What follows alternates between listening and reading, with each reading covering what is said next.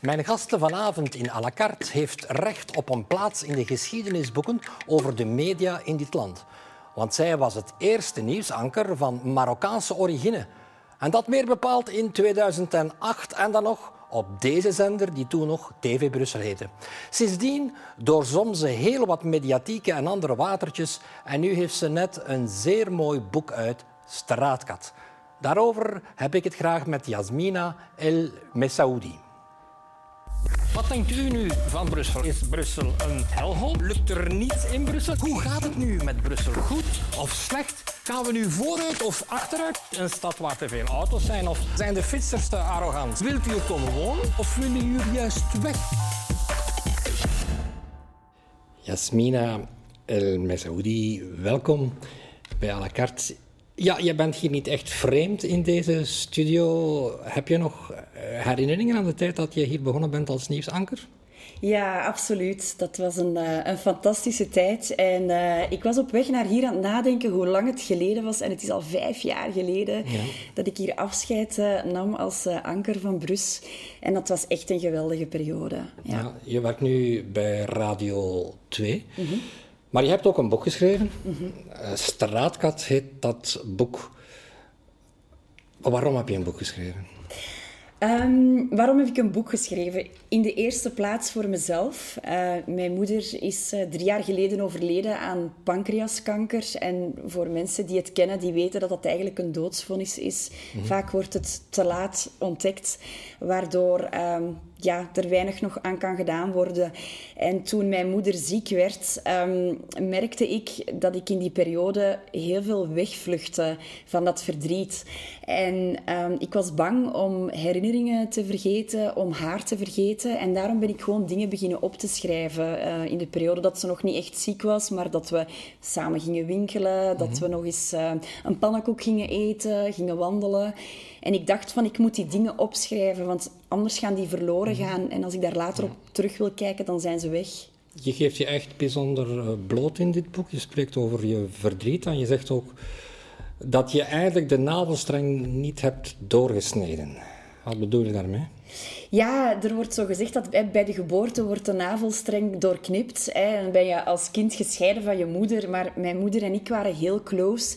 Niet in die zin dat we elkaar elke dag belden of zo. Maar zij was wel een heel belangrijk persoon in mijn leven. En zeker tijdens het naderende afscheid is mij duidelijk geworden hoe belangrijk zij was.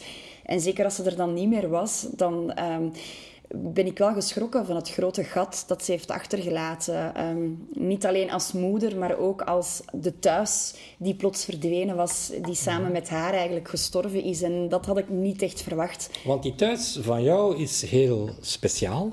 Je moeder was uh, Vlaams, je vader is van Marokkaanse afkomst en jij bent groot geworden in, een, in op den Bos, een, een toch niet direct een grootstad. Nee, nee, dat is echt een, een heel klein dorpje dat uh, ja, in de Vlaamse rand vooral bekend van Eterniet, van de asbest. En um, ja, mijn moeder is geboren en getogen in Capelle op den Bos. En uh, mijn vader die woonde eerst in Brussel. Ze hebben elkaar dan leren kennen in een discotheek in Willebroek. En dan uiteindelijk zijn ze in Capelle op den Bos gaan vestigen omdat mijn uh, moeder dat graag wilde. Maar mijn vader ook omdat hij... Um, voor een stuk wou ontsnappen aan, aan de familie-eer, die heel belangrijk is. En hij wilde mij en mijn broer echt op dezelfde manier kunnen opvoeden. Uh, dat betekent dat ik als tiener korte rokjes droog, mm. dat ik alcohol kon drinken, dat ik make-up draagde. Wat niet wil zeggen dat niemand dat mag uh, uit, mm -hmm. een, uh, uit een moslimgezin. Maar hij wilde gewoon zeker zijn dat er geen enkel verschil zou zijn in de opvoeding van mij en mijn broer. Maar de beschrijvingen van je jeugd thuis uh, zijn zeer ontroerend. Een zeer warme thuis. maar op een ander moment, na de dood van je moeder, schrijf je dat je bijna ja, je ouders het kwalijk neemt dat ze hebben onderschat uh, wat jouw lot is. Dat je namelijk een, een kind bent met een dubbele achtergrond. -hmm. Ja. Ja, ik denk dat uh, mijn ouders, en dat is uiteraard uit, uh, met alle beste bedoelingen gedaan, maar ik denk dat ze soms hebben onderschat um, wat het betekent om tussen twee culturen op te groeien. Zij waren natuurlijk duidelijk uh, van een bepaalde gemeenschap. Mijn moeder van de Vlaamse, mijn vader van de, uh, van de Marokkaanse migranten in België. Zij konden altijd wel terugvallen op mm -hmm. een gemeenschap. Maar mijn broer en ik zaten daar echt tussen. Um, het Vlaamse schooltje waar we zijn opgegroeid, waren wij de enige gekleurde kinderen. Um, laat, als ik bij familie op bezoek ging in Molenbeek, dan was ik uh, La Belge, omdat ik met een Vlaams accent uh, sprak. Omdat ik ook geen Arabisch of Berbers uh, kon. Mm -hmm. En ik denk dat zij daar uiteraard nooit hebben bij stilgestaan. Zij, zij idealiseerden dat heel erg en dat is mooi. Want... Je vader zei dat je twee vaderlanden had. Ja. Maar wat jij daarover schrijft is heel hard en ook zeer ontroerend. Je, je schrijft echt hoe moeilijk je het ge, gehad hebt om. Je zegt dan dat je eigenlijk niet weet wie je bent. Ja, ja, voor een stuk wel. En ik denk binnen dat gezin was dat geen probleem, want binnen het gezin was het normaal dat wij verschillende talen, verschillende culturen, verschillende godsdiensten hadden.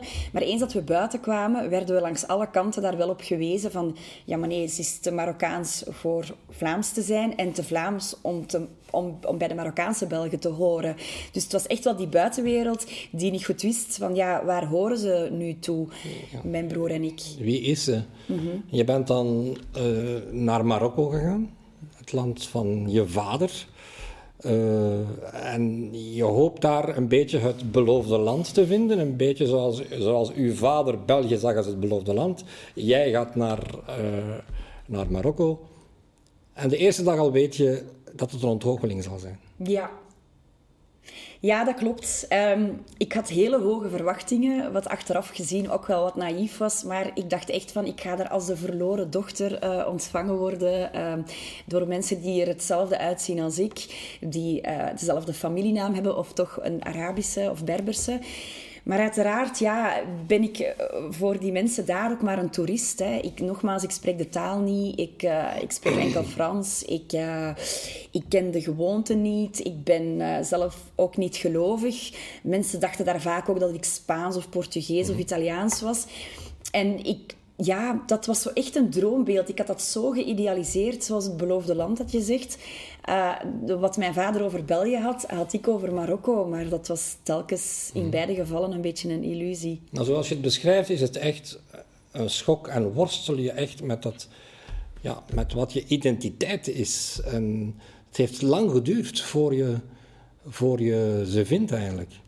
Ja, en ik denk uh, dat heeft natuurlijk, uh, dat is zowat naar beide kanten gedreven. Hè. Als, als, uh, als kind wou ik heel graag heel Vlaams zijn en dan wil je vooral niet opvallen tussen alle andere witte kindjes. Mm. En dan later dan, um, had ik een meisje in de klas die half Marokkaans, half Spaans was. En die was daar heel trots op. En dan keek ik daar heel erg naar op. En dan zocht ik die Marokkaanse kant heel hard op. En dan ben ik ook op reis gegaan. Dus dat, dat, dat, um, dat zweefde wel een beetje van de ene mm. naar de andere kant. Um, en na die reis van Marokko, na die ontgoocheling, had ik, dacht ik, wel een soort van rust gevonden van ja, kijk, mijn identiteit is gewoon dat ik er geen heb. Dat ik bij geen een van de twee hoor en dat ik zelf maar iets moet ontwikkelen. Mm.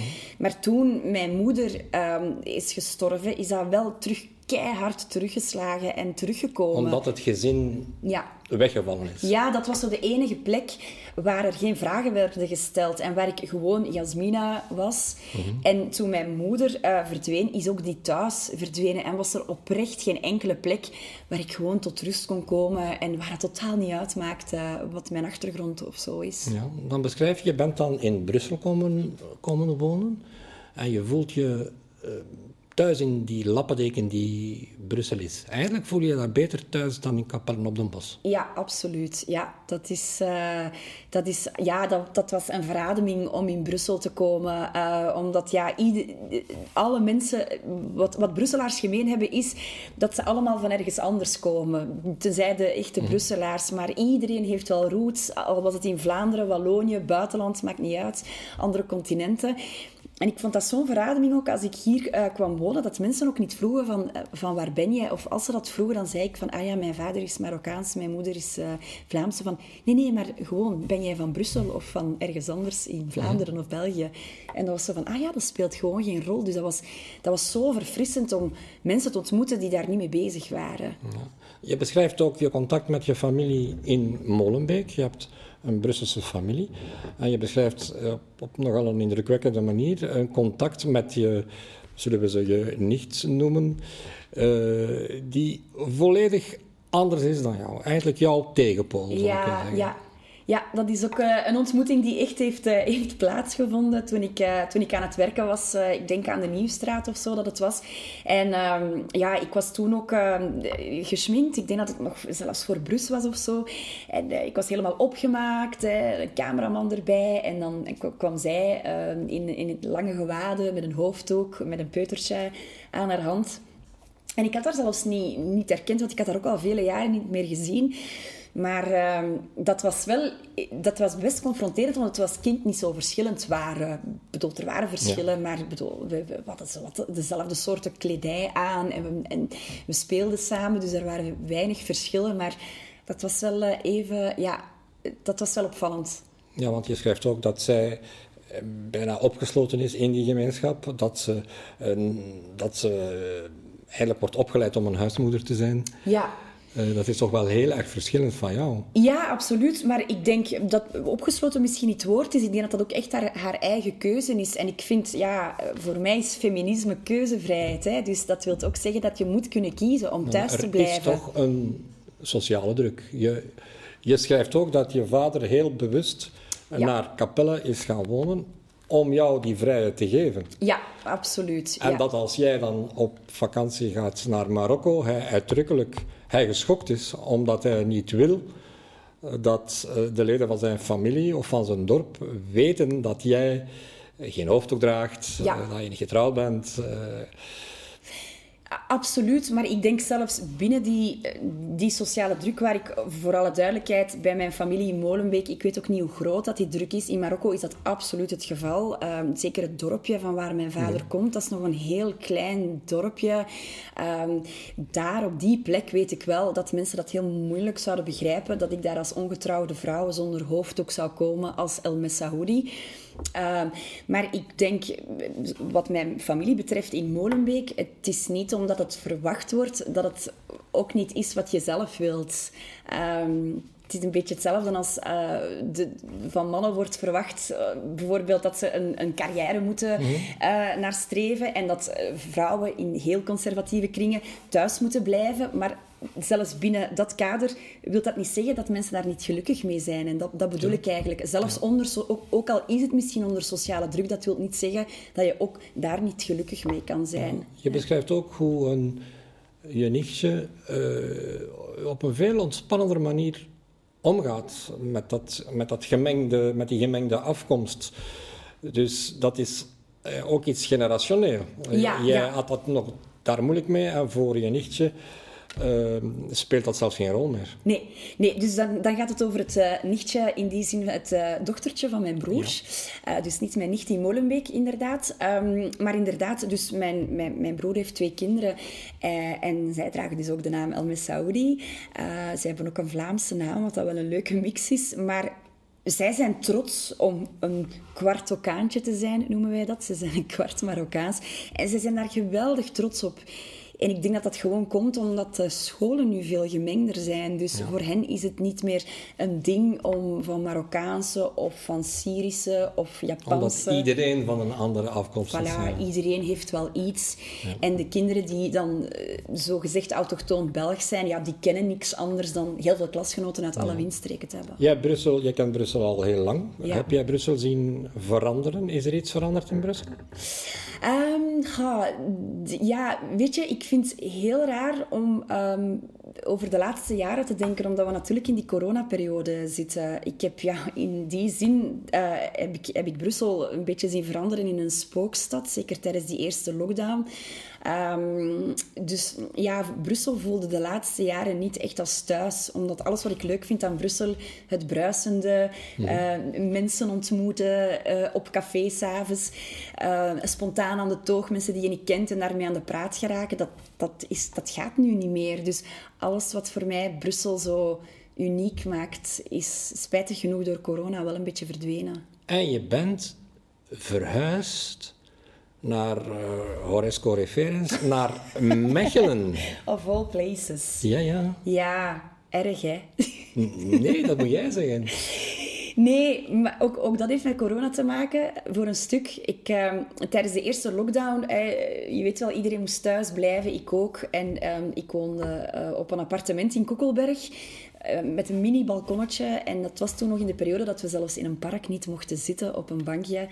En ik heb toen drie maanden echt thuis op, op het gelijkvloers gewoond, gewerkt, geslapen gegeten en ik werd daar echt gek. Ehm, en ook wat ik daarnet al zei, van dat Brussel een beetje als een spookstad aanvoelde. En ook in combinatie dat dat die laatste jaren heel moeilijk waren. Hè. er kleefde wel heel veel verdriet aan Brussel, omdat het afscheid van mijn moeder toen ook plaatsvond. Ik had dat appartement ook gekocht een maand voor haar dood. En ik, ja, Brussel verstikte mij een beetje. Dus toen ben ik gaan zoeken. Ik wou eerst een huisje kopen in mhm. Brussel uh, met, met een buitenruimte, maar het was onbetaalbaar omdat ik het ook alleen doe. En uh, dan heb ik uiteindelijk ja, in Mechelen aan de vaart, maar wel op 20 minuten aan het station in het centrum van Brussel. Dat is even ver als Koekelberg. Maar dat is wel een probleem natuurlijk, dat je gezocht hebt naar een huis in Brussel en dat je er geen meer vindt. Ja. Je bent dus uit, je bent dus uit Brussel weggejaagd. Ja, ja, ja, dat vind ik echt heel jammer. Maar ehm, ik denk dat dat heel herkenbaar is dat je als, als, uh, als single of, of, of, of toch niet hè, met twee iets koopt, dat het gewoon onmogelijk is geworden. Uh, tenzij dat je echt heel veel geld verdient. Maar ook al de wachtlijsten voor, om, om een appartement of een huis te bezoeken zijn gigantisch. En als je dan niet met twee bent, dan kan je het eigenlijk op je buik schrijven. Maar je zou graag, je zou graag terugkomen naar Brussel? Ja, en ik denk dat ik ooit ook wel ga terugkomen. Ik, ik, mhm. eh, ik, ik, hou van Mechelen ook. Ik heb daar ook mijn roots voor een stuk liggen. En het is niet zo ver van Kapel op den Bos ook. Uh, maar ja, het is wel een klein stadje en ik mis wel de, de, ja, de grootsheid van Brussel. Alhoewel die nu in corona ja, voor een stuk wel is weggevallen, waardoor die stap ook makkelijker maakte om even terug weg te gaan.